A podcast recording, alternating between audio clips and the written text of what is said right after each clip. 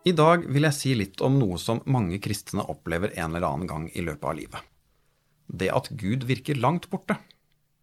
Livet som kristen kan ha mange faser. Noen ganger virker Gud nær.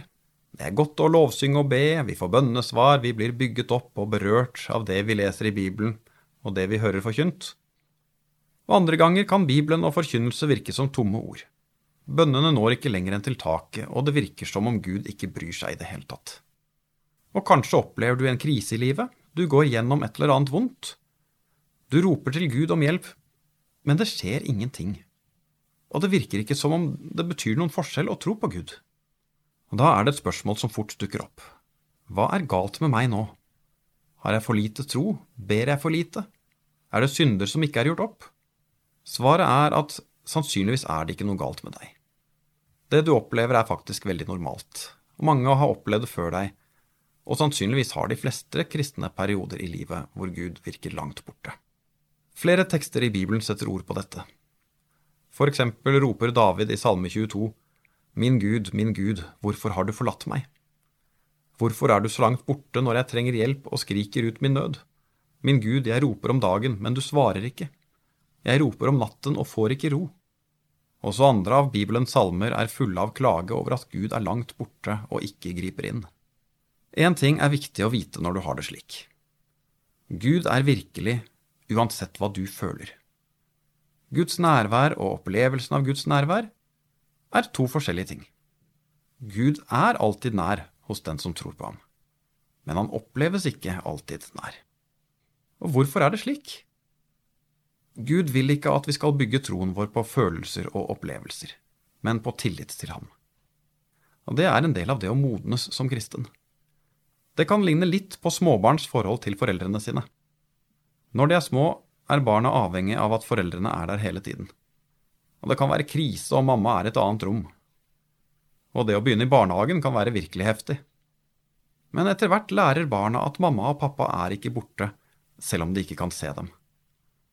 Etter hvert blir barna store og flytter ut, men de vet at de kan stole på at foreldrene er der for dem, selv om det kanskje går flere uker mellom hver gang de ser dem. Mange kristne søker erfaringer og opplevelser. Og det er i og for seg ikke noe galt i spennende opplevelser og sterke erfaringer med Gud. Men det kan bli et problem når vi søker følelser og opplevelser, heller enn å søke Gud. Derfor trenger vi å lære oss å stole på at Gud er der, også når vi ikke merker ham. Og hvordan gjør vi det? Jeg skal gi deg fire punkt. For det første, når livet er vanskelig og Gud virker langt borte, så fortell Gud akkurat hvordan du har det. Øs ut hjertet ditt og la ham få høre det sånn som det er. Mange av de kjente personene i Bibelen gjør det. David, Elia, Jobb. Gud tåler å høre at du er misfornøyd med ham, og ikke syns han gjør jobben sin. Og det å klage er faktisk et uttrykk for tro. For vi hadde ikke klaget til Gud hvis ikke vi hadde et minimum av tro på at han er der, og at han lytter. For det andre, minn deg selv på hvem Gud er, og på at han aldri forandrer seg.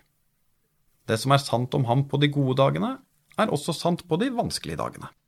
Han er god, han elsker deg, han er med deg, han vet hva du går gjennom, han bryr seg om deg, han har en god plan for deg. For det tredje, stol på at Gud vil holde løftene sine. Les for eksempel Jeremia 29,11.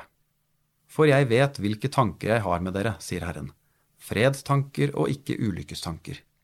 Jeg vil gi dere fremtid og håp. Eller Romerbrevet 8, 38 og 39. For jeg er viss på at verken død eller liv, verken engler eller krefter, verken det som nå er eller det som kommer, eller noen makt, verken det som er i det høye eller i det dype, eller noen annen skapning, skal kunne skille oss fra Guds kjærlighet i Kristus Jesus, vår Herre. Lag deg gjerne en liten samling med trøstevers som du henter fram i de tunge stundene. Og husk at Gud har holdt løftene sine før. Han lovte å sende Jesus, og det tok flere hundre år fra de første løftene til Jesus faktisk kom. Men en dag kom han, lagt i en krybbe i Betlehem.